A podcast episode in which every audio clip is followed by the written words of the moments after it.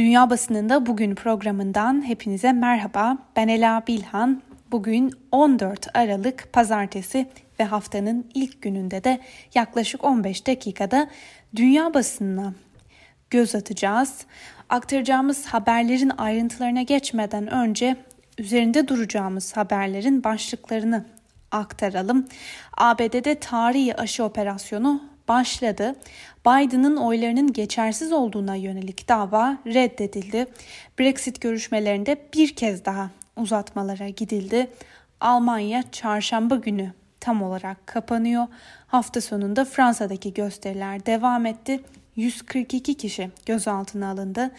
Dağlık Karabağ'da çatışmalar yeniden mi başlıyor?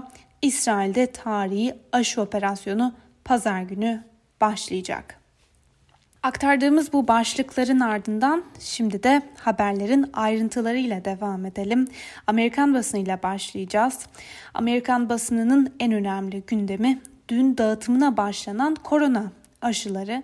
Amerikan ilaç firması Pfizer'in Michigan eyaletindeki fabrikası dün sabah yerel saatle 6.30'dan itibaren 3 milyon korona aşısının dağıtımına resmi olarak başladı. New York Times gazetesinin haberine göre aşılar dağıtıma çıkmışken hastanelerde son hazırlıklarını tamamladı. Gazeteye göre Amerika tarihinin en geniş kapsamlı ve en iddialı aşı dağıtım operasyonunu böylece başlatmış oldu. Washington Post gazetesi önemli bir noktaya dikkat çekiyor. Beyaz Saray koronavirüs aşısına erkenden ulaşabilecek bir Milli Güvenlik Konseyi sözcüsünün aktardığına göre hükümetin devamlılığı ve bürokratik işlerin yürümesi adına Beyaz Saray bir öncelik tanınacak. Gerçi buna rağmen aşıların onay sürecinde yavaşlıktan şikayet eden Donald Trump henüz aşı olma planının olmadığını uygun bir zamanda yaptıracağını söyledi. Voice of America'nın haberine göre Amerika'nın koronavirüsüyle mücadele için başlattığı ışık hızı ötesi operasyonunun açıklamalarına göre ABD'de Mart ayı sonuna kadar tam 100 milyon kişinin aşılanması bekleniyor. Amerikan hükümeti ülkedeki ilk 2 milyon 900 bin doz aşıyı 64 eyalet, büyükkent ve ABD'ye bağlı bazı bölgelerle göndermeyi planlıyor. Aşı dağıtım çalışmalarını federal hükümet yürütse de ilk doz aşıların kimlere yapılacağı konusundaki nihai karar eyaletlere bırakıldı. Bu arada aşıların nakliyesi sırasında Amerikan askerleri de görev yapacak. New York Times'ın aktardığı bir diğer habere göre de ülkede Covid-19 nedeniyle hayatını kaybedenlerin sayısı 300 bine yaklaştı. Artan ölümlerle Amerika bir kez daha kendisiyle hesaplaşmak zorunda kalacak diye yazmış New York Times. Hem Washington Post'un hem New York Times'ın gündemindeki bir diğer haberle devam edelim. ABD'de Ticaret ve Savunma Bakanlıklarına bir siber saldırı düzenlendi ve arkasında Rusya'nın olduğu tespit edildi. Amerikan basınında yer alan haberlerde söz konusu sızıntı meselesinin çok ciddi derecede olduğu ve Ulusal Güvenlik Konseyi'nin cumartesi günü konuya ilişkin acil toplandığı belirtiliyor. Söz konusu sızıntının arkasında Rusya hükümetine bağlı çalışan hackerların olduğu ve söz konusu bakanlıklardaki iç yazışmaların ve elektronik posta hesaplarının ele geçirildiği de belirtilmiş. Bir diğer haberle devam edelim. Seçiciler Kurulu Biden'ı onaylamaya hazırlanıyor. Seçiciler Kurulu Joe Biden'ı Amerika'nın 46. başkanı olarak resmen kabul etmek için bugün toplanıyor ve bugün içinde de Biden'ın seçim zaferinin tescillenmesi bekleniyor. Bir adım sonra da Amerikan Kongresi 6 Ocak 2021'de toplanarak Seçiciler Kurulu'nda elde edilen kararı değerlendirip bu kararı tescilleyecekler. Bundan sonraki son adım ise Biden'ın 20 Ocak'ta ABD Kongresi'nin basamaklarında düzenlenecek yemin töreniyle başkanlık görevini resmen devralması olacak. Ancak Voice of America'nın değerlendirmesine göre Trump seçim sonucuna göre koltuğunu koruduğuna ilişkin umudunu hala sürdürüyor. Fox Haber kanalında yayınlanan bir programa katılan Başkan Trump dün seçim sonucuyla ilgili olarak hayır daha bitmedi dedi. Bu arada Trump'ın destekçileri de hafta sonunda hırsızlığa son eylemleri düzenledi. Eylemciler hiçbir kanıt olmamasına ve dava açılan tüm eyaletlerde aksi yönde karar çıkmasına rağmen Trump'ın oylarının çalındığı iddiasını destekliyor. Trump'ın iddialarına inanan destekçilerin eylemleri sırasında küçük çaplı çatışmalarda yaşandı. Trump ve ekibinin kilit eyaletlerde 3 Kasım'da elde edilen seçim sonucunu geri çevirmek için eyalet mahkemelerinde ve federal mahkemelerde açtığı 50'den fazla dava reddedildi. Son olarak Anayasa Mahkemesi Trump ekibinin Pennsylvania, Michigan ve Wisconsin'de seçim sonuçlarını geçersiz kılınması talebiyle yaptığı başvuruyu geri çevirdi. Voice of America'nın haberine göre Anayasa Mahkemesi'nin bu son kararı bazı mahkemelerdeki davalar halen devam etmesine rağmen Trump'ın seçim sonuçlarını geri çevirme girişimlerinin bundan böyle sonuç vermeyeceğinin en sağlam göstergesi. Ve New York Times'dan Charles Blow ise bugünkü köşe yazısını Trump'ın bu son söylemlerine ayırmış ve şöyle yazmış. Trump demokrasiye hiçbir zaman inanmadı. Meşru bir dayanağı olmadan kazanmadığı halde gücünü ve nüfuzunu kullanarak kazanmak istiyor.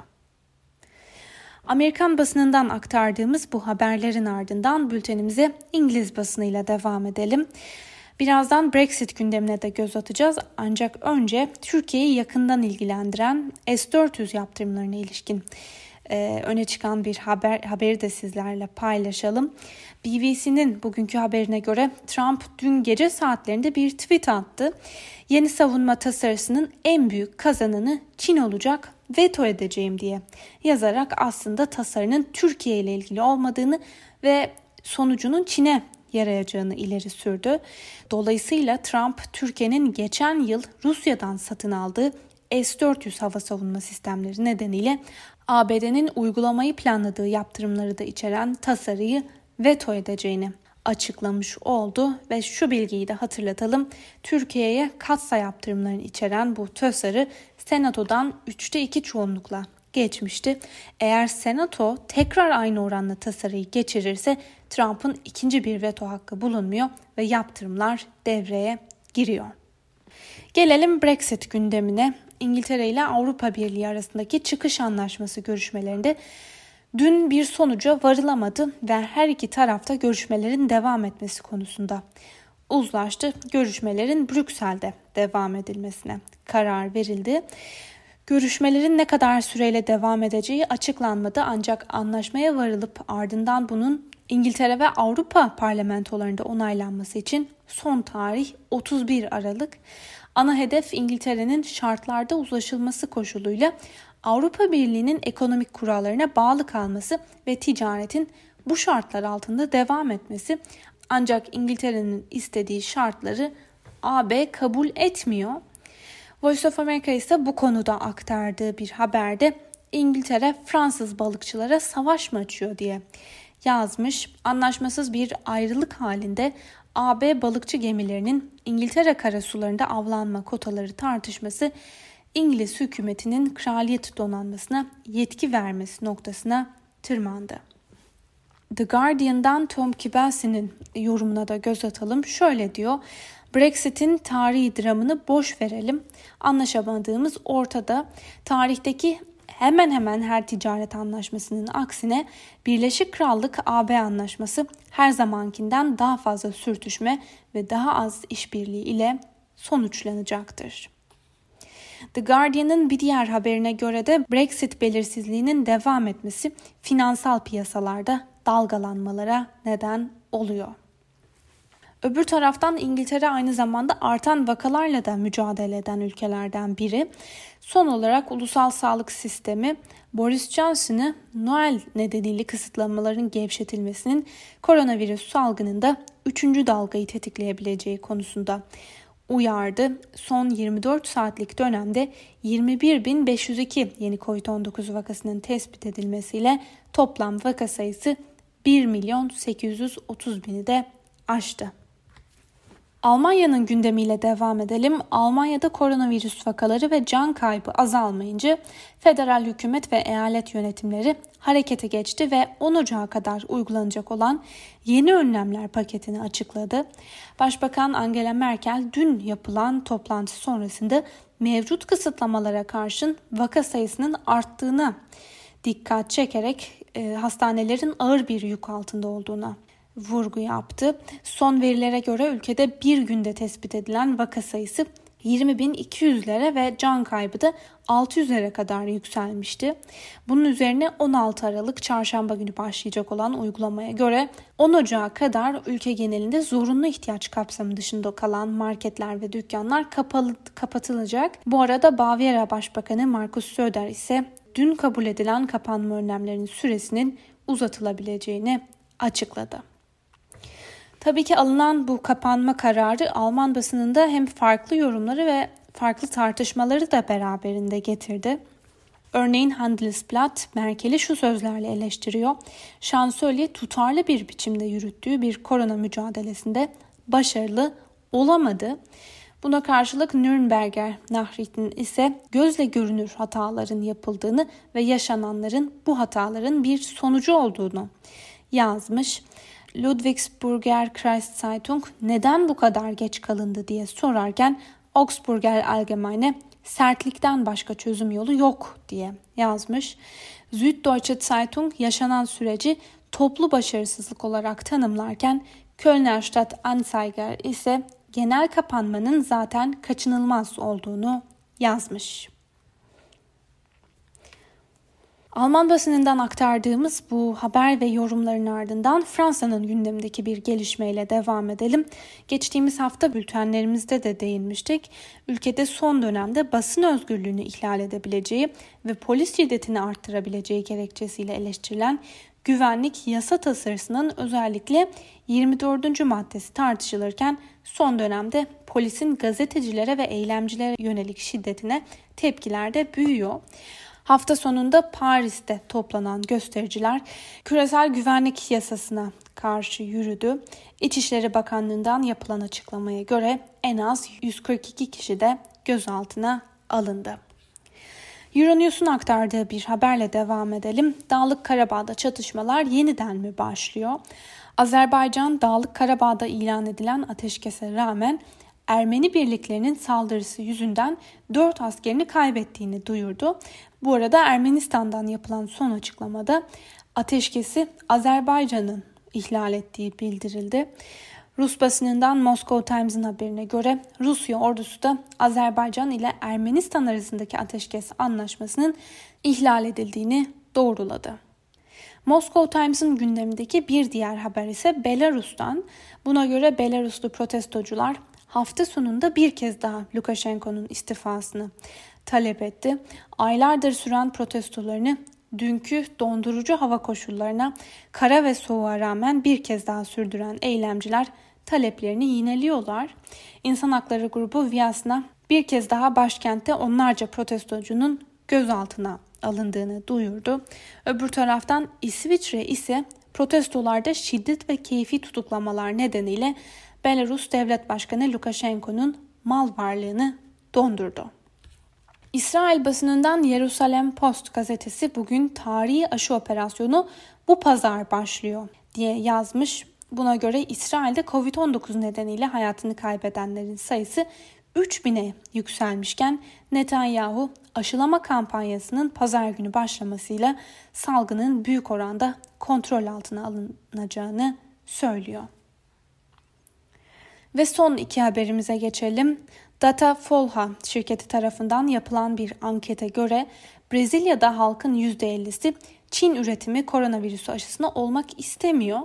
Çin aşısının olacağını söyleyenlerin oranı %47, halkın %3'ü de Çin tarafından üretilen e, koronavirüsü aşısını yaptırmak konusunda kararsız olduğunu söylüyor. Öbür taraftan Brezilya Cumhurbaşkanı Bolsonaro geçtiğimiz ay kendisinin aşı olmayacağını söylemişti. Dolayısıyla Bolsonaro'nun söyleminin de anket sonucu üzerinde etkili olduğu yorumunu sanıyorum yapabiliriz.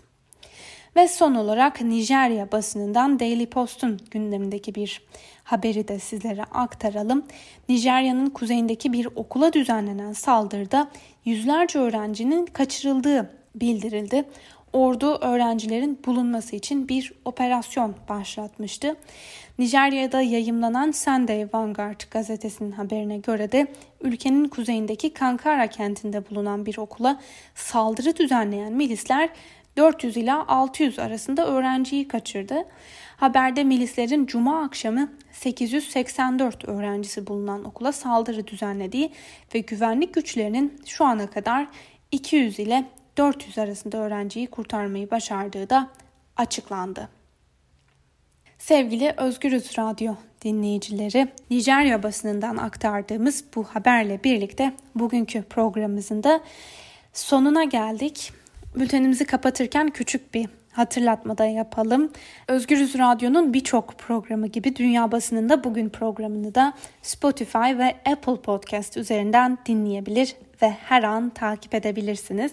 Bunun için tek yapmanız gereken arama kutucuğuna Dünya Basınında Bugün yazmanız diyelim ve bu küçük hatırlatmayla birlikte bugünkü programımızı da böylece noktalayalım. Yarın aynı saatte tekrar görüşmek dileğiyle şimdilik hoşçakalın.